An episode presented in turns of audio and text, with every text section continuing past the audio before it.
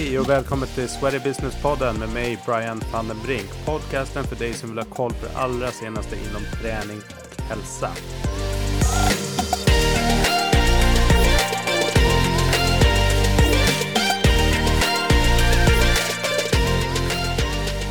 Välkomna tillbaks till Sweaty Business-podden och välkomna till eh, vårsäsongen. Vi hade ju lite fokus på de stora drakarna, eh, kedjorna i branschen eh, under första delen av året här. Eh, och våren kommer vara mer fokus på kanske eh, olika teman snarare än eh, att det är specifika aktörer sådär. Och eh, jag är jätteglad idag att ha med mig Pelle Sundström från Benchmark Group för att prata träningsbranschen, Benchmark Group, men framförallt om butikfitness. Välkommen! Tack så mycket Brian. Hur är läget? Det är bra, kul att vara här. Ja. Vi har ju snackat om att podda i hur länge som helst känns det, känns Några det som. år, tror jag. Ja. Och jag tror vi får anledning kanske att återkomma med en ny podd för att det finns eh, andra ämnen och sånt som vi ska kunna dyka in i. Men ehm, som sagt var, jag är, och lyssnarna säkert också är nyfikna på, på dig. Eh, Benchmark Group, jättespännande Eh, koncern får man ju säga. Eh, att ni är med många spännande varumärken och produkter. Och sen eh, något som jag vet att du brinner för, är butikfitness. Och som har varit ett modeord och sådär. Så jag tänkte att vi skulle faktiskt djupdyka lite mer i vad är det för någonting. Känns det bra? Absolut, det känns, det ligger mig varmt om hjärtat. Det är någonting jag brinner för. Mm. Du, eh, uppvärmningen som kör med alla gästerna för att du ska komma igång lite grann här och gästerna ska få lite koll på, på vem du är. Så tänkte jag, vad, ditt bästa köp, vad tycker du att det är? Oj, eh, bara det som kom till mitt tanke just nu så var det, jag köpte ett par randonnérskidor i vintras här. Så det var, har gett mig mycket. Men annars är det faktiskt min kiropraktorutbildning. Det är ingen köp i sig, visst den kostar pengar att gå den utbildningen, men det, det är nog det som har gjort min största impact i min li, mitt liv och förändra mina tankar om allt faktiskt. Det är, det är nog det bästa jag har gjort någon gång. Fast jag inte jobbat som kiropraktor idag. Så är det jag har gett eh, grunden till eh, mitt eh, synsätt på livet. Ja. Du, eh, det här gör mig förbannad. Jag är väldigt engagerad i medicinska frågor och mm, hälsa överhuvudtaget. Men eh, orättvisa och lögner och osanningar inom medicinska och eh, friskvårdsbranschen. Det gör mig väldigt engagerad. Politiskt korrekt. Ja, nej, det är ju en, om vi tar träningsbranschen i sig så är det ju ett, ett område liksom som, det är mycket sanningar som flyger där ute och liksom, eh, ja, jag vet inte. Det är, det är ett svårt område liksom. Vad, vad är rätt, vad är sant och vad är hittepå liksom? Ja, och speciellt man bygger så att säga vissa sanningar med eh, kanske inte direkt korrekt eh, vetenskap eller kanske till och med osanningar inom forskning och vetenskap. Sen är det ju så att vad som är sant idag kan behöva inte vara sanning i, om 10-20 år. Det, det var väl det jag utbildade mig för på 80-talet till kiropraktor och vad som var sant då inom kiropraktiken eller medicinska tankemönstren eh, ser ju helt annorlunda ut idag. Men många gånger så lever ju sådana så kallade sanningar kvar i samhället eller inom friskvården eller sjukvården och så vidare. Du, om du skulle få obegränsat med pengar till ett projekt eller ändamål, vad skulle du göra? Nej men det går nog i samma där. Då skulle jag nog, hade jag stora, skulle kunna satsa några miljarder i olika projekt och då skulle det vara forskning och, och studier och få fram eh, hjälp till människor. Sen om det är eh, autoimmuna sjukdomar eller sjukdomar som man vet idag man kan hjälpa till. Eller man, som man kan, antingen kan få helt bra eller faktiskt eh, mycket bättre. Och få ut det i samhället. Och då krävs det otroligt mycket marknadsföring. och eh, påverka institutioner, eh, eh, ja, samhället i stort. Du, en app som du använder mycket. Ja, det är nog Wonder-appen. Där bokar jag alla mina pass. Den eh, åker fram minst en gång om, om dagen. Ja, det är bra. Eh, favoritträningsform? Funktionell träning, typ crossfit, eh, hot yoga eh, älskar jag. Och sen annars är det gå på tur i fjäll eller naturen. Mm. Bra mix där. Um, intressant här då till en entreprenör. Här gick det åt helsike. Oj, det går, har nog gått åt helsike ett antal gånger. Men jag har ju drivit säkert 30-tal olika företag under mina, mina år. Och jag har haft ett antal företag som har gått åt skogen helt enkelt. Så jag har haft ett antal som har gått väldigt bra. Men ja, jag har haft några företag som har gått i konkurs helt enkelt. Mm. Och då, det gick det åt helsike. Men samtidigt en erfarenhet. Exakt. Eh, ditt bästa tips för återhämtning? För mig själv eh, så är det naturen och eh, faktiskt hård träning. Jag behöver ta ut mig och eh, få en hormonkick och eh, endorfinkick. Så att, eh, jag älskar att ta ut mig. Jag går igång och så här, ju hårdare träning desto bättre är det för mig. Mm. Jag vill eh, både rensa hjärnan och eh, bli trött i kroppen helt enkelt. För någon lugn träning, det, det är inte jag. Nej, och ta ut sig har också effekten. Många pratar ju om sömn här liksom, men att tar du ut det så, så brukar det också ge effekt på att man får bättre sömn. Alltså att man faktiskt sover bättre också, som också är en viktig återhämtningsgrej. Så att, du, eh, intressant. Vi hade ju försnack här, eh, ganska långt försnack eh, om olika grejer kring branschen. Men så det ska bli intressant att höra vad du säger här då. Men eh, det här behöver träningsbranschen tänka om kring. Det finns ju flera delar som jag brinner för, men eh, en stor del är faktiskt affärsmodeller. Alltså hur, hur paketerar man olika saker? Hur, eh, hur tar man betalt? Hur eh, helt enkelt hur tänker man eh, utanför boxen när det traditionellt är medlemskap, 12 månader, autogiro? Hur kan vi hur kan vi utveckla vår bransch i affärsmodellsmässigt? Sen tror jag väldigt mycket på att tänka mer hälsa än bara enbart träning. Det har också varit en varm, eh, legat mig varmt om hjärtat att vi, enligt mig så jobbar vi med hälsa. Vi jobbar, träning är bara en liten del i hälsa. Hur kan vi integrera kost, mentala bitar, stress, hjälpa människor att må bättre? Hur kan vi göra verkligen det och folk är beredda att betala för det? Och vi har ju faktiskt både lokaler, personal, många gånger kunskap på vissa delar, men vissa saker kanske vi måste skaffa oss mer kunskap om. Men jag tror att framtiden är, eh, är hälsa i mm. sig. Så det... Sen exakt vad det är för någonting, den kan vara otroligt olika från fall till fall. Ja, intressant. Jag tror vi kommer komma vidare in på den här frågan kring, för att det blir, hälsa blir, det är ju ett, ett stort eh, begrepp såklart. Det innefattar ju otroligt mycket.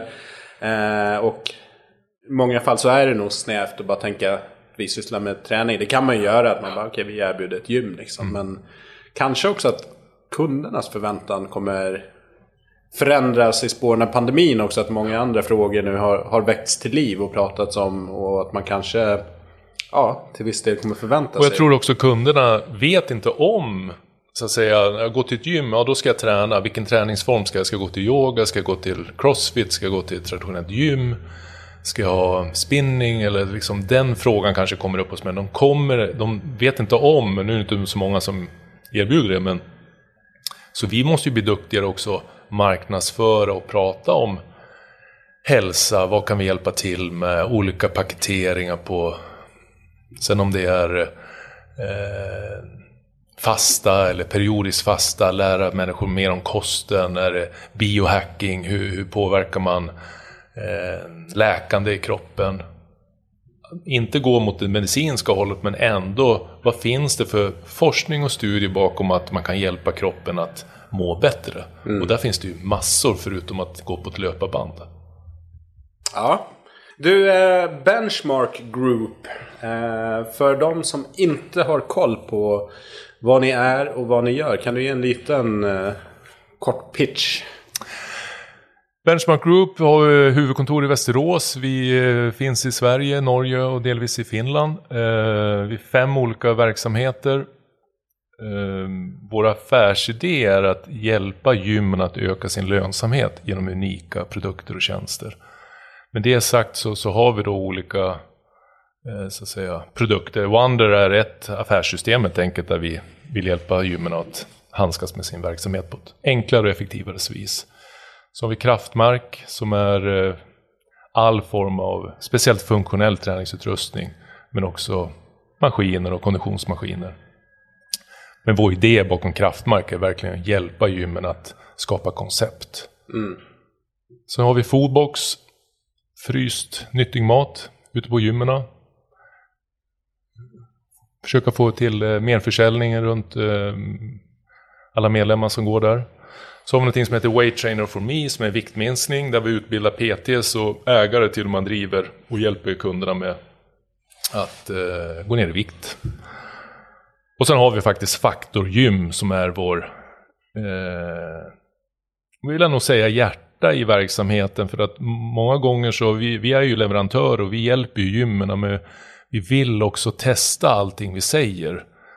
Eh, för att vi ska kunna hjälpa gymmen så vill vi också kunna testa av det. Sen om det är marknadsföring eller olika koncept eller eh, hur säljer vi olika saker och ting, hur fungerar utrustningen. Så vi använder Faktor som vår testverkstad faktiskt. Mm. Och med det sagt så vill vi att Faktor också ska fungera väldigt bra. Om vi nu, vår affärsidé är att öka gymmernas lönsamhet. Så måste det ju fungera så på faktor, för annars får vi ingen förtroende helt enkelt. Så det är vi. Benchmark Group är helt enkelt en samling av olika företag. Mm. Vi är 44 personer och eh, finns från norr till söder. Verkligen. det är ett härligt eh, gäng där. Många ja, men starka branschprofiler som syns och hörs och gör bra grejer. Så att det, är verkligen gjort, gjort bra tycker jag. Du, eh, ni har ju liksom massor av olika tjänster och produkter gentemot branschen. Hur har ni upplevt, eh, hur har pandemin varit för, för er del på Benchmark Group? Ja, den har varit tuff, måste jag medge. Speciellt planeringen och eh, planering av verksamheten. Hur, eh, liksom vad händer? Vad ska vi göra? Hur hjälper vi gymmen? Så oron från min sida alltid var den stora delen. Sen har vi tappat en del faktiskt på, på vissa Eh, delar då. Men sen har, eftersom vi har så många ben att stå på. Vi har ju både webbförsäljning, vi har direktförsäljning till gymmen, vi har privatmarknaden. Eh, så summa summarum så har det gått okej okay, faktiskt. Och vi, vi har ju växt på olika sätt och vis och vi trodde ju i somras att ah, nu kör vi igen. Så jag tror vi har anställt kan jag inte exakt, men mellan 8 och 10 personer sen i somras. Mm. Så att eh, det är lite grann gasa i uppförsbacke, men samtidigt så planera för, för framgång. Men det har varit, eh, det har varit tufft. Och mest, eh, liksom, ja, vad gör vi, vad händer, eh, hur planerar vi? Ta bara hemmaträningsmarknaden med allt från eh, få hem eh, hantlar till eh, massa utrustning som vi man hade inte en aning om då när allting hände. så det, man, fick, man har fått sprungit. Det har varit ett tufft år faktiskt. Mycket operationella frågor och scenarion som du också ja. är inne på. Liksom att okej, okay, om det här händer, liksom att man verkligen får live sitta och göra med sånt som man kanske sitter på universiteten och gör olika scenario-case och försöker lista ut det. Nu får man göra det liksom i realtid med riktiga pengar och människor ja. också. För det händer ju, det, det, har ju hänt väldigt mycket i branschen och i samhället överhuvudtaget. Så att, och då eh, får man ju agera efter det hela tiden. Och vi tar ju väldigt mycket man säger, ansvar, men vår, vår, stora grej är ju att hjälpa gymmen. Alltså vi springer ju med gymmen och många av våra kunder har ju varit kunder i snart 20 års tid. Eh, så vi är ju både nära vänner med många av våra kunder och vi vill ju hjälpa dem i tankarna hur man eh, på rätt vis agera helt enkelt mm. på olika sätt. Det, det, nej, men det känns bra, men samtidigt så eh, planerar vi ju liksom hela tiden för när släpps det upp och när vad händer nu till sommaren eller till hösten och så vidare. Mm. Vad, hur ser du på framtiden om vi pratar gymmen som är er stora marknad även om ni är hemmaförsäljning också. Eh, vad tänker du liksom? Hur ser, vilka glasögon har du kring framtiden när det väl släpper? Jag tror ju att detta eh, kommer, eh, eller enligt mig i alla fall, så människan kommer att vara mer eh, intresserad av att ta hand om sin hälsa. Men om vi pratar bara träning, ja, där kommer det så att säga, det blir mer och mer konkurrens mot gymmen med olika träningsformer. Men om vi pratar hälsa så är jag rätt så övertygad om att människor mår sämre, eh, människor har mer åkommor, människor har mer ont. Och det här sista året har nog gjort att människor, ja ah, men jag vill må bra. Och det är jag beredd att, eller jag vill ha den hjälpen. Så att vår, om man säger gymbranschen, hälsobranschen och så vidare, så, så tror jag det kommer vara väldigt bra. Men det gäller att springa på rätt puck. Mm. Eh, annars... Eh, så att det gäller att, att ta rätt steg och utveckla saker och ting. Inte göra samma sak som vi gjorde tidigare i alla fall. Nej, den känns eh, lurig framåt. Men det jag kan ibland eh, fundera över det är liksom Vi har någonstans 20, ja, 22-25% av svenskarna som har medlemskap på ett, Eh, en träningsanläggning. Sen finns det ju andra träningsanläggningar, det är företagsgym och vissa bostadsrättsföreningar och så. Så, att, så att det är ännu fler som, som faktiskt styrketränar eller tränar på, på en anläggning. Men just det här, kanske de som har växt till liv som inte har varit såld på produkten gym och liksom träningscenter som inte har gått igång på det. Liksom hur, hur fasen kan vi nå dem liksom? Är det liksom en... Tror du att det är möjligt att få in dem på gymmen eller måste vi tänka helt annorlunda? Liksom att vi, vi måste börja erbjuda någonting helt annat som, som kan attrahera den som kanske inte riktigt känner att de passar in eller liksom bara rent så här, inte gillar produkten.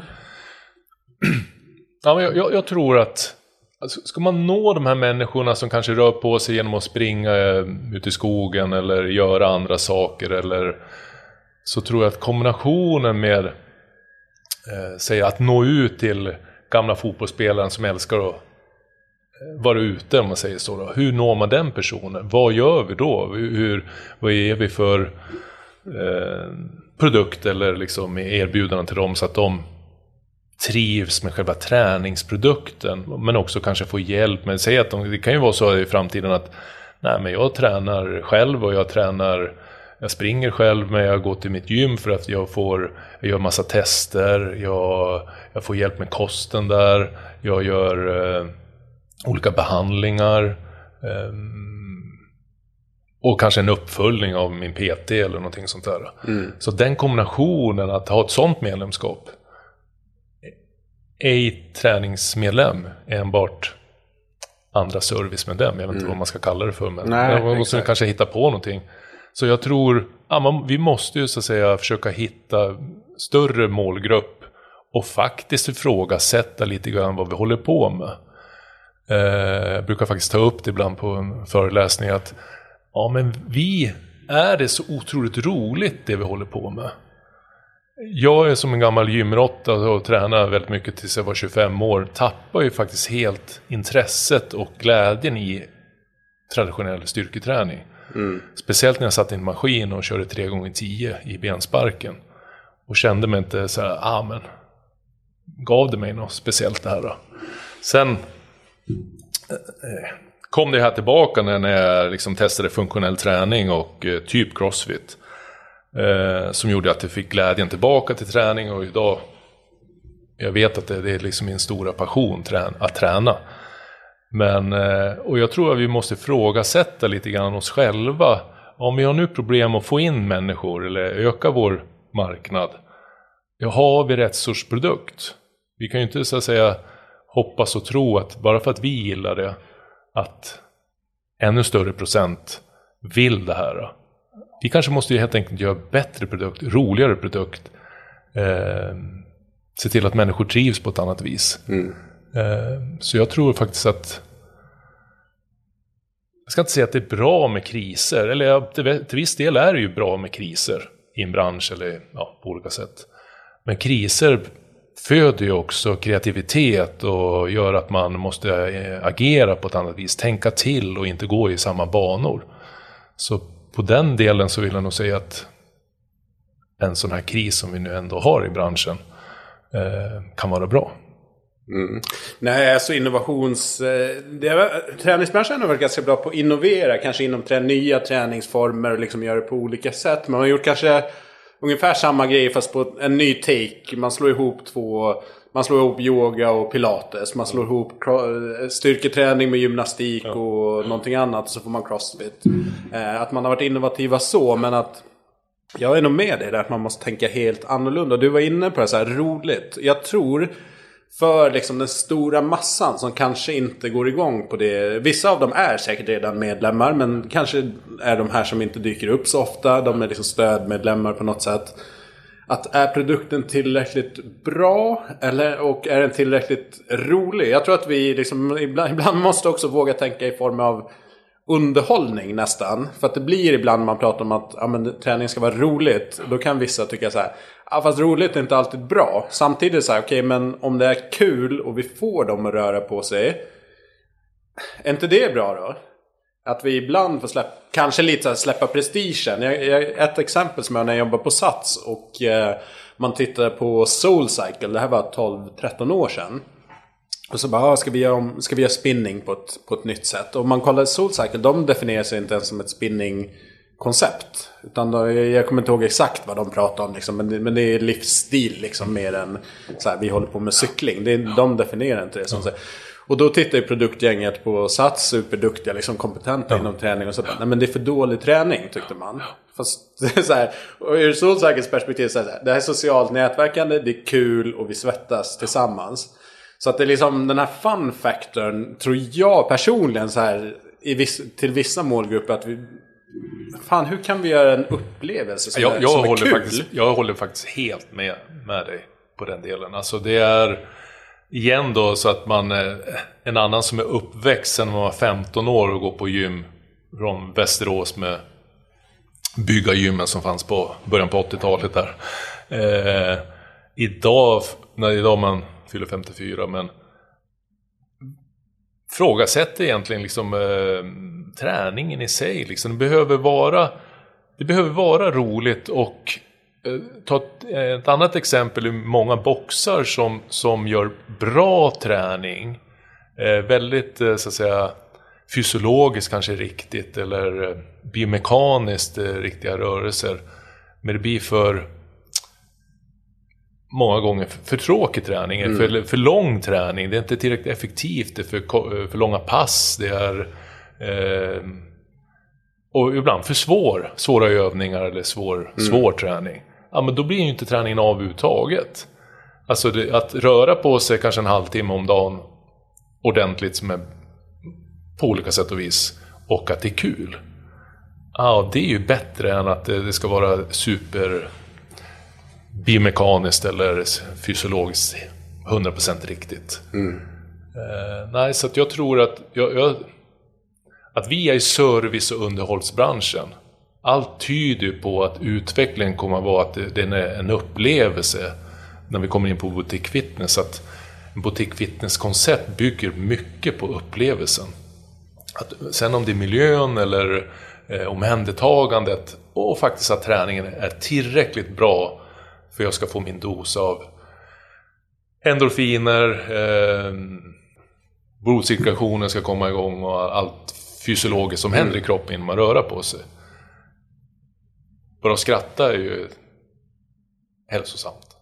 Ja men det är ju det och det är som sagt butik fitness är nästa, nästa segment här men just att um, det är intressant. Om vi tar till exempel då Barry's som finns här i, i Stockholm. Som är ett, ett sånt koncept liksom som är genomtänkt och sådär. Folk som har varit på där.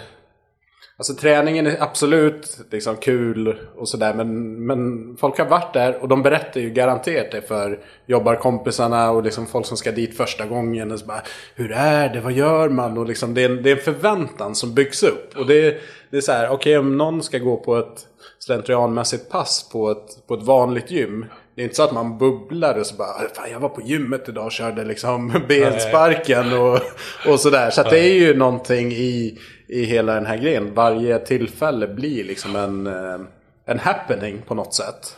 Att Precis, fan, idag det är, som, de det, det är som att gå på bio eller på teater och bli underhållen. Och, fast här gör vi jobbet själva, eller mm. ska göra jobbet själva så att säga genom att träna.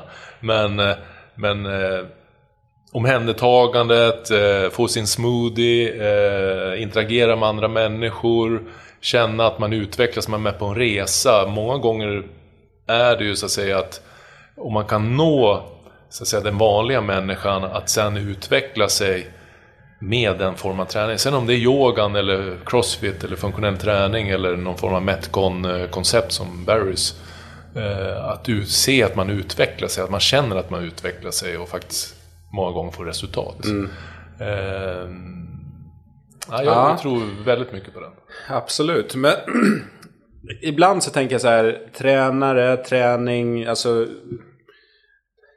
Vi har i branschen fått slåss och kanske alltid får slåss liksom för att visa att man är seriös. Bland annat liksom seriös verksamhet är inte bara någon liksom tidsfördriv som någon håller på med på fritiden. Så att man har behövt liksom ett visst språk och visa sin kunskap och sin seriositet. Eh, och det blir lite som så läkare som ibland pratar över huvudet på, på um, inte kunden, på klienten. Att man pratar liksom ett, en terminologi. Man gör Latin, istället, ja, istället för bara säga att ja, men du har liksom knäsmärta liksom, ja, ja. till bla bla bla. Du ska göra det här. Så säger man en massa svåra grejer. Så går, går personen därifrån och så bara. Det kanske låter mer allvarligt. Idiopatisk bursit. Ja, exakt. Och så ska de återberätta till någon annan och, och, så säger de helt fel grejer. Så liksom hela grejen. Men lite kanske så också att vi har gått bort oss. Äh, återigen då tillbaks till när jag var på Sats. En grej, jag var ju på marknadsavdelningen.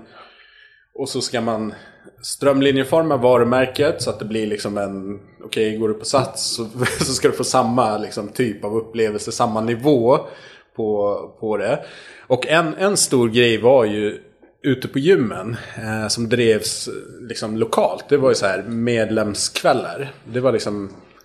De kunde ha dem i princip när som helst och det var ofta kopplat till ett tema och sådär. Eh, och ur ett brandperspektiv så var det så här. Det såg inte snyggt ut, det såg liksom inte proffsigt ut. Men de var så jäkla poppis bland medlemmarna. Oh.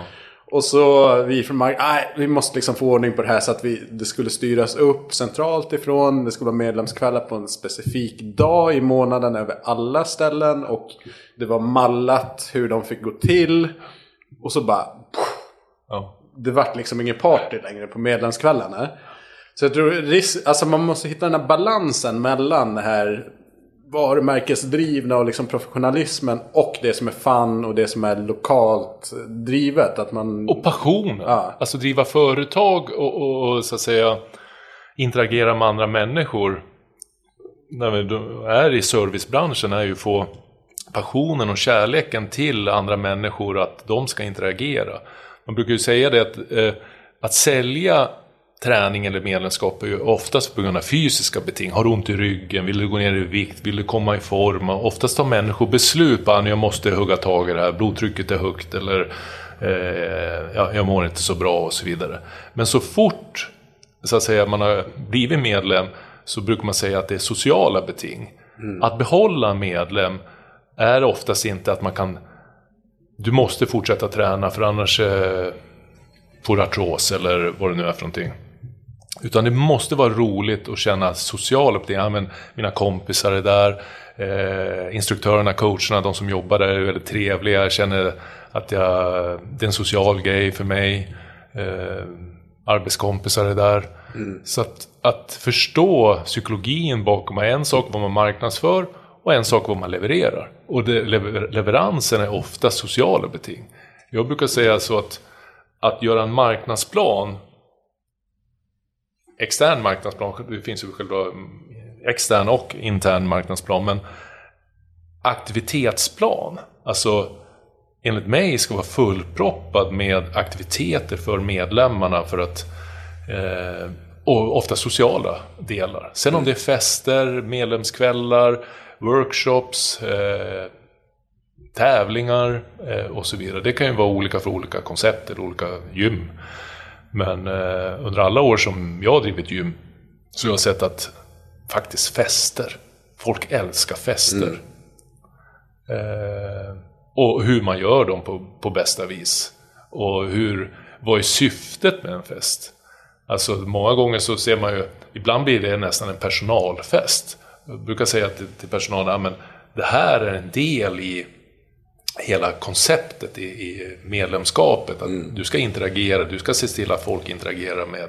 Så du jobbar på en fest. Ja.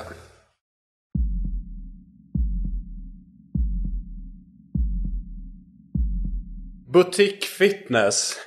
Um, det var mycket snack om det. Jag kommer ihåg när jag började podden 2017. Då pratade jag och Norberto som drev podden mycket om butik fitness och sådär. Och sen tänkte vi att det skulle explodera, vi skulle se massor. Men vi, i ärlighetens namn, sen är det så här, okej okay, vad är en studio och sådär. Vi får väl gå in lite på, på definitioner så här. Men, men i termer av koncept och grejer som har fått genomslag. Så jag, jag har inte sett supermycket i, i Sverige än så länge. Men där har du ju en bättre insyn. Men vad skulle du säga om vi liksom tar begreppet butikfitness? Vad, vad definierar du det som?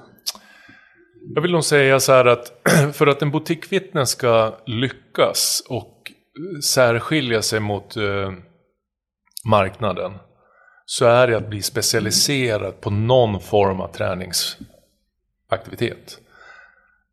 Och specialisera, jag, vill, jag brukar använda ordet världsklass.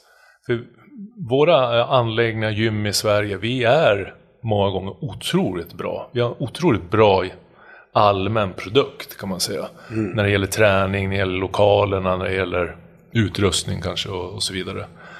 Så att ska man lyckas med boutique fitness så är det man måste vara specialiserad och man måste vara otroligt duktig på sin grej. Eh, ja, det, det, det, är liksom det utmärkande att eh, man tar nu igen då Soulcycle som med spinning som man har pratat väldigt mycket om varför det funkar och så vidare.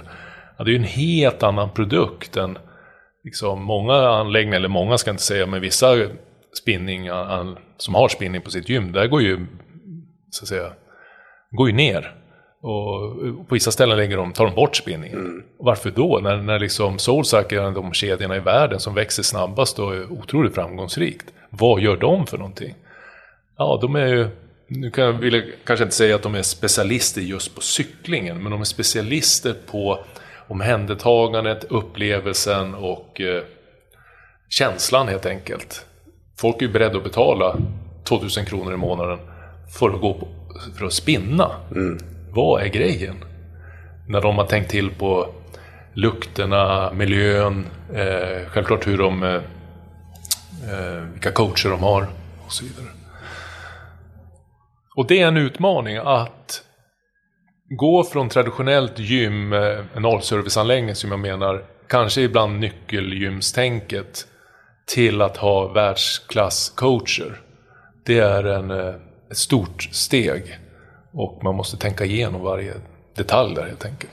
Så att specialisera sig på någonting. Sen om det är boxning, kampsport, crossfit, funktionell träning, yoga, pilates, meditation, Eh, det kan egentligen vara vad som helst, bara att kunden känner när de kliver in där och kanske är med på sitt första pass eller någon aktivitet. Jaha, det här skiljer sig. Mm. Då vill jag nog säga att man är åt boutique fitness-hållet. Mm, intressant. Men du, man kollar, ehm, jag vet att du har lite intressant data från Ursa och internet. Hur, hur ser liksom butikmarknaden och hur växer den? Uh, jag har lite gamla siffror, eller gamla, äh. typ två års eh, siffror som jag hämtade från Ursa. Det har faktiskt bildats en speciell organisation i USA som bara jobbar med butikanläggningar. Då. Och där sa de ju att då att 50% av alla medlemmar som är medlem på vanliga gym besöker studios. Så hälften av alla medlemskap i, i USA. De går köper någonting. Sen om det är klasser eller har någon form av annat medlemskap då. Det är så mycket och 500% har den ökat sedan 2010. Så att det är en, och jag som har varit väldigt mycket i USA, eh, där minst ibland två, tre gånger per år. Eh, speciellt när det är mässor, men annars privat också. Och ser liksom, när man går på olika gator, sen om det är i Florida eller Kalifornien eller ja, i olika städer, så, så typ var hundrade meter ser man en studio. När, man, eh, när vi var på Ursa på ja, slutet på 90-talet eller början på 2000-talet, då åkte man ju och besökte stora anläggningar och vart imponerad av hur stort det var, hur mycket utrustning de hade och vad fint det var. Ja, har de tio duschar och ja. Det är ju inte sånt man tittar på idag. Har de tio duschar? Ja, då tycker man bara, gud vad dyrt det är. Nej, men eller hur?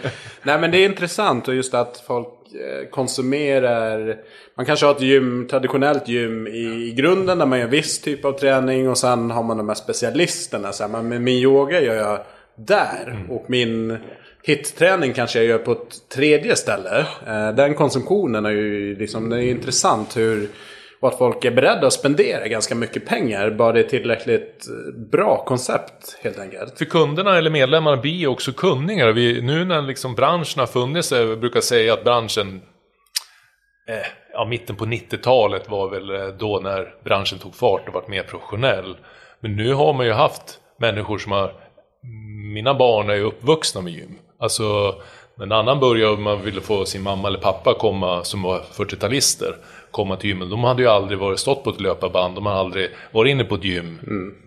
Eh, idag är ju ungdomarna, eller faktiskt de som är 20-30 år, de, de tycker det är inget konstigt med det här. För de, har, för de har ju gym funnits hela tiden. Så att, eh, och därmed eh, måste man ju tänka till på affärsmodellen. Liksom, är folk beredda att betala säg, tre medlemskap är, är de här olika affärsmodellerna som vi har, eller olika, vi har, enligt mig så har vi inte så många affärsmodeller i vår bransch, men, men eh, är folk beredda att ha två, tre olika, om vi kallar det för medlemskap, men sen hur de betalar och hur de, mm. kostnaderna per månaden. Men det är ju det som är intressant. Hur kommer det sig att inte fler frågar sig, hur kommer det sig att människor är beredda att betala 1000 kronor, kanske 1500 kronor i vissa städer eller vissa träningsformer. Och de tycker inte att det är dyrt. Och då har vi varit i den här branschen länge där vi, många av våra kunder ringer ibland och ah, jag har svårt att få in nya medlemmar. Och vad tar du då? 329 kronor. Ja, men eh, det är ingen som kommer. Eller ja, det, vi har ingen mycket intressen i alla fall in. Nej, men den på andra sidan gatan eller längre bort i, i staden så att säga. De tar 1000 kronor mm. för en produkt som är på 300 kvadratmeter och du har 1500 kvadratmeter och hur mycket utrustning som helst. Man måste ju ifrågasätta vad är det, varför är de beredda att betala 1000 kronor för den produkten? Sen om det är yogan eller crossfit eller något Metcon-koncept eller ja. någonting sånt där. Det är ju nere i detaljerna då. Så att jag, det tycker jag är spännande. För jag tycker ju faktiskt att vi gör en stor del i, så att säga, hjälper samhället att folk ska bli friskare och må bättre. Och vi måste kunna ta betalt för det vi eh, erbjuder helt enkelt. Och därmed också kunna ge bättre löner, lång, mer långsiktighet i anställningar och så vidare.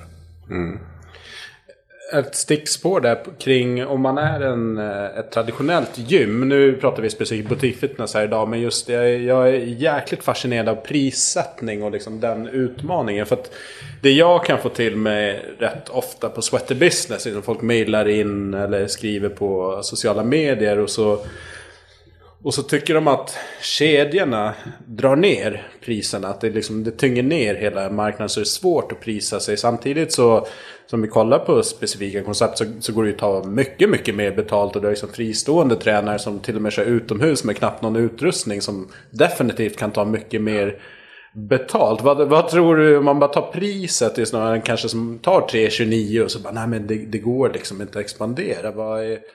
Vad är problemet enligt dig? Det är säkert många olika grejer. Men har du identifierat någon, någon så här som har slagit dig att fan vi har fastnat här i någonting som gör att väldigt många anser sig inte kunna, kunna höja priserna? Mm. Nummer ett är ju liksom att Ska man tänka på tick fitness, alltså man kan inte Många gånger så får jag också samtal och säger så här, ah, men jag ska öppna ett gym och vi ska vara trevligare. Vi ska vara mer personliga, men vi ska vara mindre. Ja, men du vet väl om, ja, hur många löparband ska ni ha? Två. Men vi ska vara trevligare. Ja, men på andra sidan gatan har de 40 löparband och de tar 199, eller 99 kronor i månaden. Och vad ska du ta? Ja, 549. Ja, det vet jag inte liksom hur det riktigt funkar. Så det är ju så många, många fler delar i hela. Hur, och, och jag vill nog säga att det kommer ner till eh, många detaljer. Mm. Hur, och I stort sett kan man väl säga så här, jag tror, tror kunder vill ha färdiga, eh, färdiga paket eller färdiga koncept. Det måste vara liksom ett eh, meny, liksom att man köper det här. Jag glömmer aldrig när jag samtalade med en annan gymägare i Sverige. Och han, han, vi pratade helt enkelt. Och han tog faktiskt, jag tror det var 329 eller 349 kronor i månaden. Och det var problem att få in leads och det var problem att helt enkelt få in tillräckligt med medlemmar. Och då gjorde vi så att, och 329 spänn, jag tror han är uppe från 5 på morgonen till 23 på kvällen. Hur mycket utrustning som helst, eh, massa pass, eh, en fin anläggning på alla sätt och vis. Och sen paketerar vi eh, en breakfast bootcamp. Där vi, de fick träna två gånger i veckan, tisdagar och torsdagar klockan sex på morgonen, en form av hitpass. Eh, och därefter bjöd vi på eh, frukost, kaffe, müsli, en frukt. För 1900 spänn för fyra veckor. Och de sålde otroligt mycket av det. Så för 1900 spänn, vi bjöd på en frukt, ja, säg att det är kaffet och frukten och så kostade det 35-40 kronor per gång eller per person. Men de betalade 1900 kronor. När, problem, när han trodde problemet var med mitt pris, hur vågar jag ska sänka eller vad ska jag göra med priset? Mm. Så det var ju det, många gånger paketeringen. Erbjud det kunden vill ha. Tiden, träningsformen, klart och tydligt. Gör det enkelt för folk. Ja, men jag vill kunna träna två gånger i veckan. Jag vill kunna träna före jobbet. Jag hinner inte göra frukost. Kunna ta med mig frukosten till jobbet eller vad det nu är för någonting det är ett typexempel på liksom mycket handlar om paketering. Att vi måste bli bättre på att paketera saker. Kommer det vara så att vi säljer medlemskap, allt ingår 12 månader? Eller kommer det vara så att man köper olika färdiga paket? Sen om det är bootcamp, frukostbootcamp eller färdiga eh, viktminskningsprogram eller eh, biohackingprogram, eh, fasta med eh, detoxprogram eh, eller... Ja, jag vet inte. Jag har inte svaret på allting. Jag vet bara att det kommer förändras. För det finns inte någon bransch som inte förändras. Nej. Och varför ska vår bransch vara exakt likadan i 20 år till? Nej, verkligen inte. Jag är med dig där. Men eh, om, man, om man kollar på butikmarknaden. Du nämnde ju lite olika specialist... Eh, grejer som man kan ha. Men vilka, vilka typer av koncept flyger bäst? Enligt ditt sätt att se på det. Som jag är mest inne på, vi hjälper ju många olika funktionella, om vi kallar det boxar eller eh, gym då. Som har skalat av. Jag, jag, vill nog säga att Crossfit var ett uppvaknande i vår bransch. Jag som har hållit på i 35 år i den här branschen hade faktiskt missat hela Crossfit, eh, eh så att säga, grejen. Eh, som jag var på mässor varje år, jag var där och mm, besökte olika ställen. Och jag glömmer aldrig när, när jag kom till den första Crossfit-boxen i Las Vegas. Jag tror det var 2010-11 där. Och jag fattade inte vad det var för någonting. Mm. Och då har jag varit i branschen länge. Och när jag liksom insåg... Jag, när jag kollade upp då 2010-11, då fanns det ju tusentals boxar i USA. I Sverige var det kanske någon enstaka eller några stycken. Eh, så att det var liksom... Eh, så för mig är det liksom, många gånger är det funktionella anläggningar som vänder sig mot den vanliga människan och eh, skalar av mycket svåra övningar. Ehm, vanliga människorna känner sig omhändertagna. De eh, får ett bra funktionellt pass som gör att de utvecklas på, på, från, från, sin nivå om man säger så. Då. Eh, det är väl de som, och det har jag märkt nu sista året, de som också har tappat minst medlemmar. Mm. Eh, jag ser att jag vill nog dra paralleller med yogan och funktionell träning slash crossfit. Många gånger är yogamänniskor som driver yogastudier väldigt kunniga på yogan och alla former av eh, olika yoga eh, pass eller olika tankemönster bakom yogan. Men de, det blir för invecklat. Det blir för svårt och det ser jag också väldigt mycket på boxar eller inom crossfiten. Man gör för svåra övningar. Man eh, kanske för tufft ibland. Mm. Eh, där tror jag liksom, de ser jag liksom funkar väldigt bra.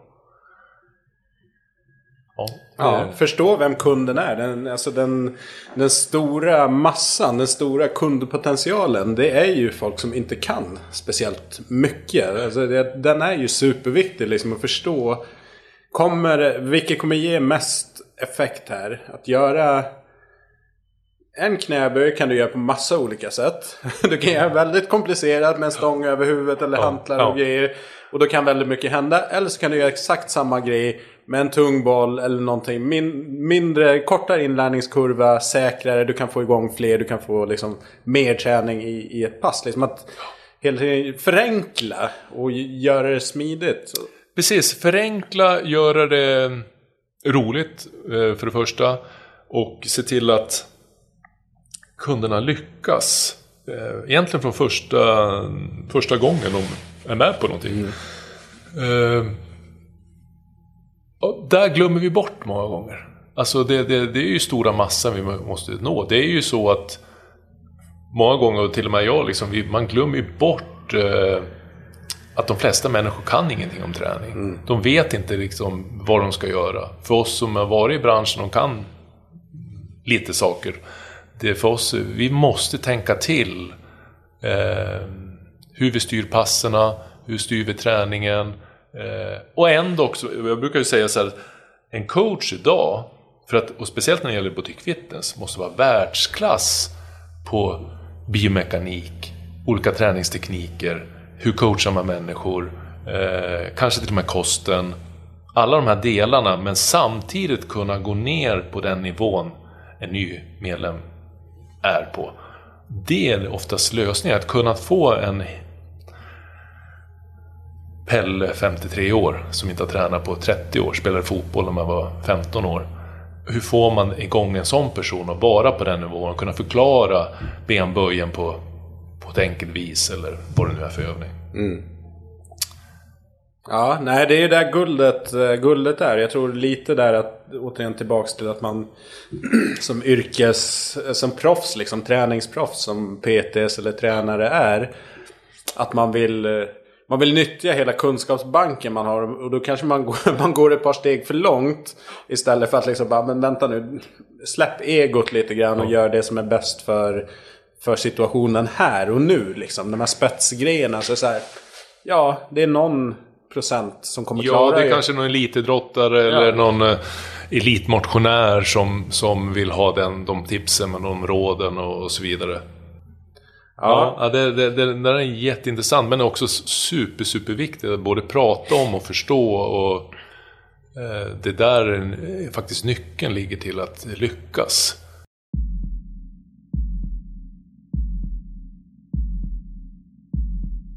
Alright. Um, om vi, alltså vi har ju boxar.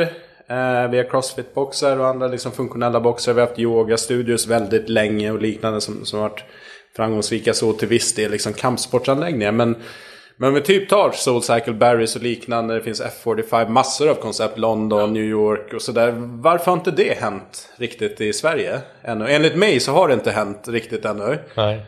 Um, vad, vad är det, det beror ju på flera kan man säga delar tror jag. att För det första så har vi, som vi var inne på tidigare, vi har ju väldigt bra produ- grundprodukt i Sverige. Så ska du göra någonting i Sverige, ta, tar F45 eller kanske Soulcycle också för den delen. Så måste produkten vara så otroligt mycket bättre. För annars får du lika bra produkt på någon av kedjorna exempelvis. Så att jag tror att det är väldigt svårt att åka över till USA. Oj, här är en produkt som fungerar väldigt bra där. Vi, tar, vi snor den idén, eller vi kanske till och med franchisar den idén in i Sverige och tror att den ska lyckas lika bra. Typexemplet är ju faktiskt eh, Starbucks och typ kaffekoncepterna som kopierades, som jag förstår, Espresso House och Wayne's Coffee och Yoni Juice och alla möjliga. När sen Starbucks kommer till Sverige med sitt världskoncept och som antagligen tycker att de är världsbäst. Mm. Har de svårt att, för de är inne i Red Ocean, alltså konkurrensutsatt marknad. Kopiorna är minst lika bra och ibland lite bättre. Kaffe smakar bättre eller bullen eller vad det nu är för någonting. Och, då, och det är ju samma tankemönster liksom att ta ett, säg ett amerikanskt koncept eller från London eller någonting och bara föra in Stockholm, i Västerås eller i Haparanda eller vad det nu är för någonting. Och då, jag tror man måste tänka till då. Alltså, grundidén bakom Boutique Fitness. Specialiserad, upplevelse, servicekänslan, communityn. Den tror jag jättehårt på. Men man måste förstå, titta och göra SWOT-analysen riktigt ordentligt i sin stad eller sitt område. Okej, okay, det här gör de här då. Om vi ska kunna ta 1000 spänn eller 1500 spänn, vad behöver vi vara vad behöver vi göra för att särskilja oss enormt mycket? Det är inte bara vi är lite bättre. Det går inte. Nej. Så att... Och, och, så, och, så ser man ju väldigt många koncept i andra branscher, liksom att kopiorna har redan... Nu har gymmen, eller vår marknad i Sverige är fantastisk. Vi är det landet som har flest gym procentuellt sett i hela världen, så har jag förstått. Och otroligt mycket medlemskap procentuellt också. Ja, då måste man göra någonting helt annorlunda. Och den behöver inte, inte bara helt annorlunda, det måste vara världsklass på det. Så jag vill nog säga att ta de här internationella koncepten, Orange Theory, F45, Soulcycle. Ja, det är nog, jag är inte så säker på att bara sätta in det i Sverige och rulla ut det i Sverige ska komma att bli dundersuccé. Man kanske måste skruva lite grann på dem. Mm. Eh, och förstå marknaden, förstå kulturen, förstå eh, ja, ner på detalj. För jag tror, min känsla var att många olika marknader, ta England till exempel. Ah, den marknaden var inte lika utvecklad när de körde igång butik-tänket där. Sen är det ju eh, investerare.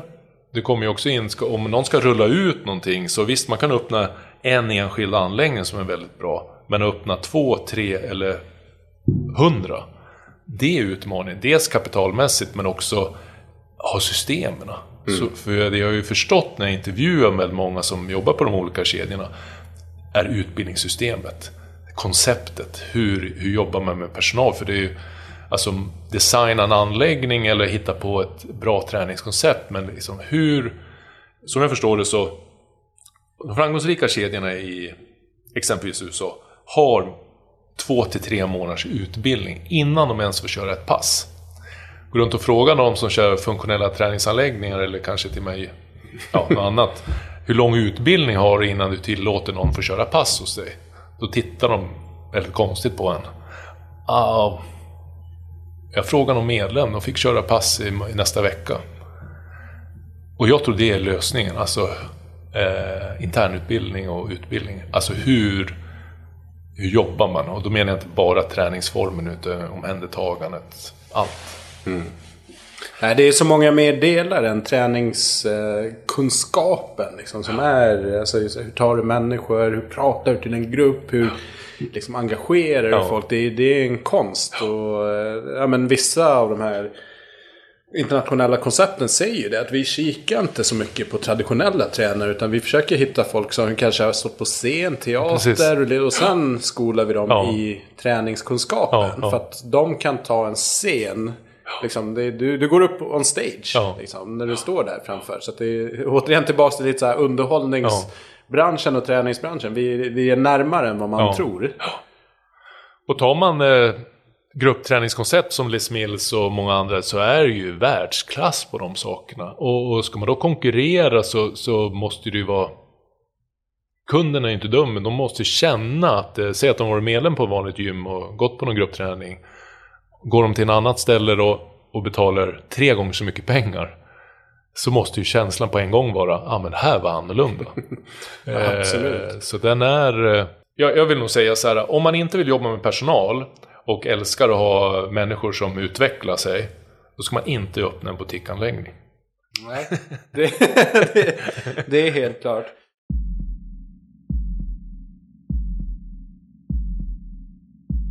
Man pratar alltid så här, det finns så himla många gym. Och vi har procentuellt sett då till befolkningen flest gym i, i världen. Finns det plats för fler koncept? Ja, jag tror det. Eh, eftersom jag tror att hela marknaden kommer att kanske gå upp mot 40% om vi eh, förändrar våra, vårt utbud. Men eh, gör vi inte det, då tror jag faktiskt att det går åt andra hållet. Mm. Då tror jag faktiskt att andra marknader, sen om det är paddel eller eh, olika aktiviteter utomhus eller någonting som kommer att sno stor marknad. Men eh, om vi förändrar oss utbudet men också tänker liksom eh, att marknaden, dels att marknaden kommer att öka men också att vi ger det folk, det måste bli ett beroende. Alltså pratar man med människor, jag kan inte vara utan det här. Mm. Jag mår så bra av det. Eh, det är socialt. Säger de de sakerna, ja då kommer man ha en livstidskund. Eller medlem. På olika sätt och vis. Det är liksom... Ja, Mm. Så jag, jag, tror, jag, jag, tror på branschen, men jag tror inte på den... Om vi, om vi behåller det vi har idag och slåss om priserna och slåss om den procenten som... Ja, då kommer inte branschen växa. Nej. Och då kommer det ner till liksom, titta på, ta igen då flygbranschen på, med SAS och Lufthansa och alla stora flygbolag som fanns då innan Ryanair kom. Och alla skrattade åt Ryanair när de kom in på marknaden och, och hur ska de kunna fixa det här? Och hur de tog hela europeiska marknaden och var de som omsatte mest pengar och tjänade mest pengar. I alla fall för ett och ett halvt år, eller ett mm. år sedan. Ja, exakt. Eh, och det var ingen som såg det och då, jag vet att det skrevs ju väldigt mycket om att det där kommer aldrig funka. De tänkte helt nytt. Mm. Du, ähm, att lyckas med butik eh, fitness. Jag vet att ni har en workshop där på Benchmark Group i, i just det här gym management. Eh, jag tänkte att vi kunde bjussa lyssnarna på ett par så här nyckelfrågor, nyckelpunkter som, som du ser att det här behöver man få ordning på för att, för att lyckas eh, med det. Jag kan ju ta de fyra första punkterna. Jag brukar nämna elva nycklar till framgång. Som jag pratar väldigt mycket om. Och de fyra första. Eh, och igen då, jag vill bara säga att jag har inte hundraprocentiga svaren eller sanningarna heller för den delen. Det är mer liksom så här tänker jag och vad, vad, vad, vad behöver man tänka på för att lyckas. Jag brukar faktiskt ha punkt nummer ett är pass jag, jag, tror väldigt mycket på pass. För går man till gemene vanliga människan så... Jag tror väldigt mycket på att man, man vill, ska ha allting förberett. Man ska inte behöva tänka själv så mycket. Eh, så alltså coachledda pass. Eh, det blir roligt. Man interagerar med andra människor. Och det skapas energi så att säga mellan människor. Så pass är en framgångsfaktor. Mm. Eh, open gym eller enskild träning på en egen yta eller på en yta. Det är enligt mig en, bara en del i en fram, affärsmodell. Där tror inte jag man tjänar pengarna. Jag är, nog, jag är helt enig. Jag lyssnade på en, en podcast och pratade om just om eh, att vi egentligen slåss om människors tid. Precis. Och att man vill då känna att okej okay, vad får jag för den här investerade timman? Jag har kanske en eller två timmar fritt efter jobbet där jag har möjlighet att göra någonting. Och då, då är det liksom Träning är ju en möjlig aktivitet men du kan gå på bio, du kan padda, ja, du kan ja, göra det ena och ja, andra. Så att man vill veta. Och då, just, då var ju exemplet just det att man, gemene man som går till gymmet. Alltså egentligen man bara tittar ut. Det är inte så att folk tränar stenhårt Eh, du har vissa supermotiverade som kan, men de, de är liksom en, en mindre del av den totala liksom, målgruppen. Medan mm. Ja, många de går småcyklar, läser tidningen samtidigt som de går på löpbandet och sådär. Och, och, det kan ju vara fine. Kontra liksom många av butikstudiosarna, att du går in, Kör 45 minuter, du har definitivt... Kanske till och med en halvtimme. Ja, ja, du har ingen tid att läsa någon tidning. Nej, utan nej. du går in där och du får... Men då får du också value for money. Den timman får du liksom kvalitet ja, i träningen. Och du vet att det coachen ger är bäst för mig. Mm. Och fast det är gruppträning så tror jag väldigt mycket på individuell coaching fast i grupp. Och det, det det här, många pratar om grupper, om det blir inte individuellt, det blir liksom lite så allmän träning för alla. Liksom. Nej, men har du rätt sorts coacher så kan du coacha enskilt fast i grupp. Mm. Och det är ju utmaningen i sig då, men det tror jag väldigt mycket på. Sen brukar jag ta upp eh, antal pass. Och det händer så många gånger så att jag har tagit upp den här. Men du säljer tillgänglighet. Många gånger som någon öppnar en mindre butiksanläggning så Så kanske jag kommer ut efter några månader och helt enkelt hör hur det går. Ja, här, eh, ja vi, det går sådär, vi har 50 medlemmar. Ja, hur många medlemmar skulle det ha varit? Eller vill du vara? Ja, men 200 medlemmar. Ja, men du har ju bara ett pass om dagen. Ja, men du vet Pelle, vi, ju fler medlemmar vi får här nu, då kommer jag höja antalet pass. Så att eh, ja, alla får plats. Ja, men då kommer du inte bli 200 medlemmar. För du säljer på tillgänglighet. Folk måste se att jag kan träna på morgonen, till lunchen, eh, 16.00, 17.00 eller 18 eller kanske till och med 20.30 för då har jag hunnit hem, lagt ungarna, eh, handlat, ätit eller vad det nu är för någonting. Så att nummer ett för mig är pass och det är antal pass och faktiskt kunna räkna på spottar, alltså platser på passerna då. Och ska du ha 200 medlemmar, säg att du har plats med 10-12 personer per pass, ja då måste du ha 8 pass om dagen på den just träningsformen då. Mm. För annars får du inte plats, nummer ett, du får inte plats med medlemmarna om de ska träna två gånger i veckan så rent matematiskt går det inte ihop. Eh, det andra är tillgängligheten. Du måste känna eller i alla fall förstå. Säg att du, ja men jag har pass 17.00, ja men de som slutar 17.00 de hinner inte ens ner på det passet. Tycker du att de ska köpa ett medlemskap för 1000 kronor? Mm. Det blir svårt att sälja det medlemskapet. Så att nummer ett är pass för mig. Och vidare då? Eh, ytan. Ehm, det är ju självklart det här att hålla koll på kostnader och kvadratmeterpriser, nyckeltal för vad hyran får kosta. Man brukar prata snittytan på en butikanläggning, i alla fall i USA, är 320 kvadratmeter. Och jag vill nog säga runt 250 upp mot 4, max 500 kvadratmeter. Många öppnar för stora anläggningar för att helt enkelt, du måste ha så mycket medlemmar så det blir ingen riktig ekonomi, enligt mig. Så att ytan är viktig. Självklart få plats med 10-20 personer på träningsyta. Men tänk till på inte för stora andra ytor för det är, hyran är en stor del mm. i affärsmodellen. Det är svårt att krympa ytan som man hyr. Efterhand då sitter man där med sina avtal på, på ett par års sikt. Ja, och sen ser jag väl många som så fort de blir 100 medlemmar eller 150 medlemmar, inte vet jag. Så ska de bygga ut. Jag har gjort de misstagen tidigare när jag driver vanliga Så fort det går lite bra, ja, då bygger vi ut. Att det är nyckeln till framgång. Alltså att ha så stora anläggningar som möjligt. Ja. Utan utveckla istället eh, produkten på plats. Liksom, och hur kan vi göra det här effektivare? Och hur kan vi hålla koll på de här kostnaderna? För det handlar ju till slut om att gå plus. Mm. Och faktiskt inte 2% i plus, kanske 15-20%. Eh, nyckel nummer tre är coacherna. Vi har ju pratat väldigt mycket om det. Men för mig, jag brukar säga så här, ta bort allt snack om affärsmodeller eller design på anläggningen eller vilken träning. Har du inte rätt sorts coacher så kommer inte det här funka. Eh, och jag pratar väldigt mycket om att headhunta människor, eh, utveckla människor, eh, utbilda dem självklart. Eh, de måste jobba efter så att säga, konceptet.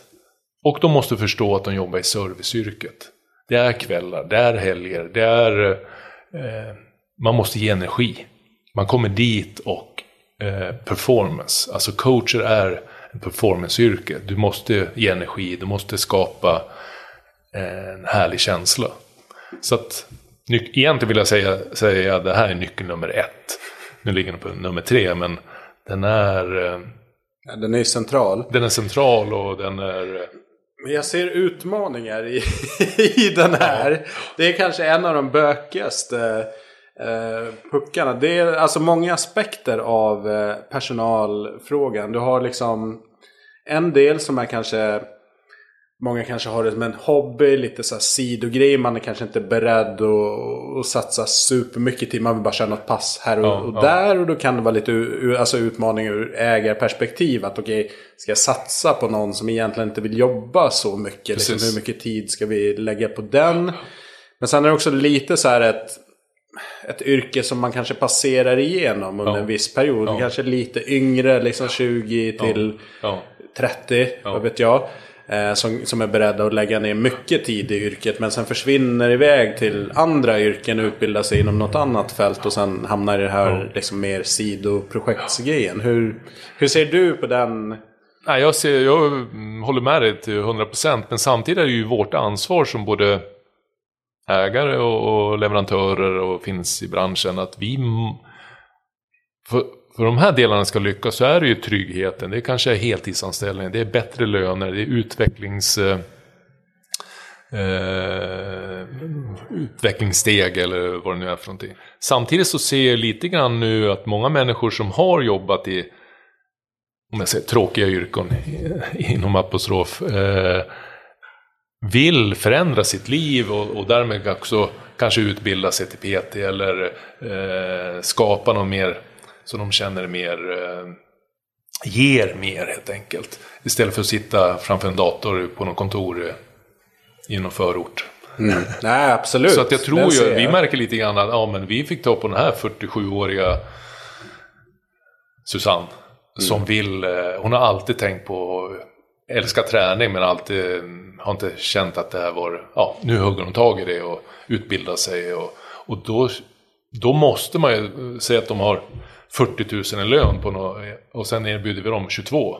Eller ja, det blir svårt. Och timmar. Och förresten så ska du eh, sälja in alla dina egna timmar. Det, är, ja, det blir en omöjlig ekvation. Kan man då erbjuda kanske en heltidstjänst eller i alla fall 50-75% i tjänst. Du bra lön, eh, utbildning, utbildningar på olika vis. Så att, ja, jag säger att det, det, är en utmaning men den är inte omöjlig och jag tror att det är nyckeln till att lyckas med de här delarna.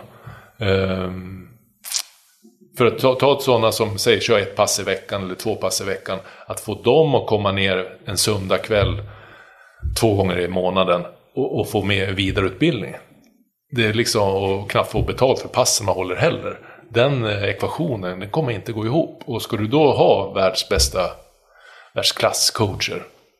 Ja, så att det är vissa nycklar till att nå dit. Alright, och fjärde och sista för den här podden i alla fall. Det är faktiskt passupplägget slash vodden eller vad man nu kallar det för. Jag, igen då, det, det är ju, jag vill nog säga att det är ju själva produkten. Och att sätta ihop ett passupplägg eller en vodd på, på, enligt mig, bra vis. Det finns ju självklart miljoner olika sätt att göra det på. Men det är produkten. För att, sätta ihop olika eh, övningar, eh, intensiteter, eh, konditionsdelar, styrkedelar och få det här att synka ihop med hur lång tid man kör på de olika delarna i en vodd eller om vi nu kallar det passupplägg då. Det är en skill. Mm. Och eh, det vill jag nog säga är igen då har jag ju testat många olika ställen. Att det blir för... Eh, där går många traditionellt liksom, de gör samma sak och utvecklas inte. Jag vill bara ta Faktor som öppnade 2012. Där det inte fanns så många andra gym som körde funktionell träning i grupp. Idag kör alla gym, vill jag nog säga, kör funktionell träning i grupp. Mm. 2021. Eh, hur kan Faktor utveckla sig? För att folk vill betala 900 spänn istället för att gå till något annat gym. Där de också kör funktionell träning i grupp. Men vad är skillnaden? Och då vill jag nog säga det är coacherna och passupplägget. That's it. Sen kan man hålla på och snacka om betalningssystem eller affärssystem eller affärsmodeller. Det är inte viktigt i sig om inte de sakerna är en stor Nej. skillnad. Så att lägga ner väldigt mycket tid på hur man också testa massa andra anläggningar. Vad gillar man? Titta på vad andra gör. Testa andra ställen. Åk runt i världen eller i Sverige och testa andra ställen. Så har jag lärt mig. Nu är inte jag den bästa på att lägga upp sådana. Men jag vet att våran kära Rickard Robbins är otroligt kunnig på det. Mm. Eh, sen kan inte jag beskriva exakt, men jag vet att eh, det är nyckeln. Alltså det är fyra nycklar. Eh, sen finns det ju massor med andra nycklar som med affärsmodeller och nyckeltal och Mm. Men ni kör ju gym management workshops titt som, titt som tätt. Så att, ja. eh, vad kan man eh, snoka upp nästa datum och så om man är intresserad av att veta mer? För det är ju en hel dag egentligen Precis. och vi bränner ju igenom det snabbt här. Ja, ja. Eh, inne på kraftmark.se eh, där står, finns det en flik som heter workshops. Där har, brukar vi lägga ut datum. Vi brukar köra en gång i månaden. Jag länkar in det i avsnittsbeskrivningen så där kan ni ja. hitta länk in till, eh, till de här datumen och kika vidare där om man är intresserad. Ja men vi närmar oss slutet här. Generella trender liksom inom butiks. Vart blåser vinden om man säger så. Nu är ju såklart handbromsen i ganska mycket. Det här är ju en, en del av träningsbranschen som inte kanske har eh, gynnats. Eh, om man kollar internationellt i alla fall. Att träffas fysiskt människor som rör sig och svettas och andas liksom. Men bortsett från det, jag tror att vi, det kommer, det kommer liksom fortsätta och ha en bra trend framåt. Men vad, vad tänker du, eh, vad är nästa liksom, steg i butik?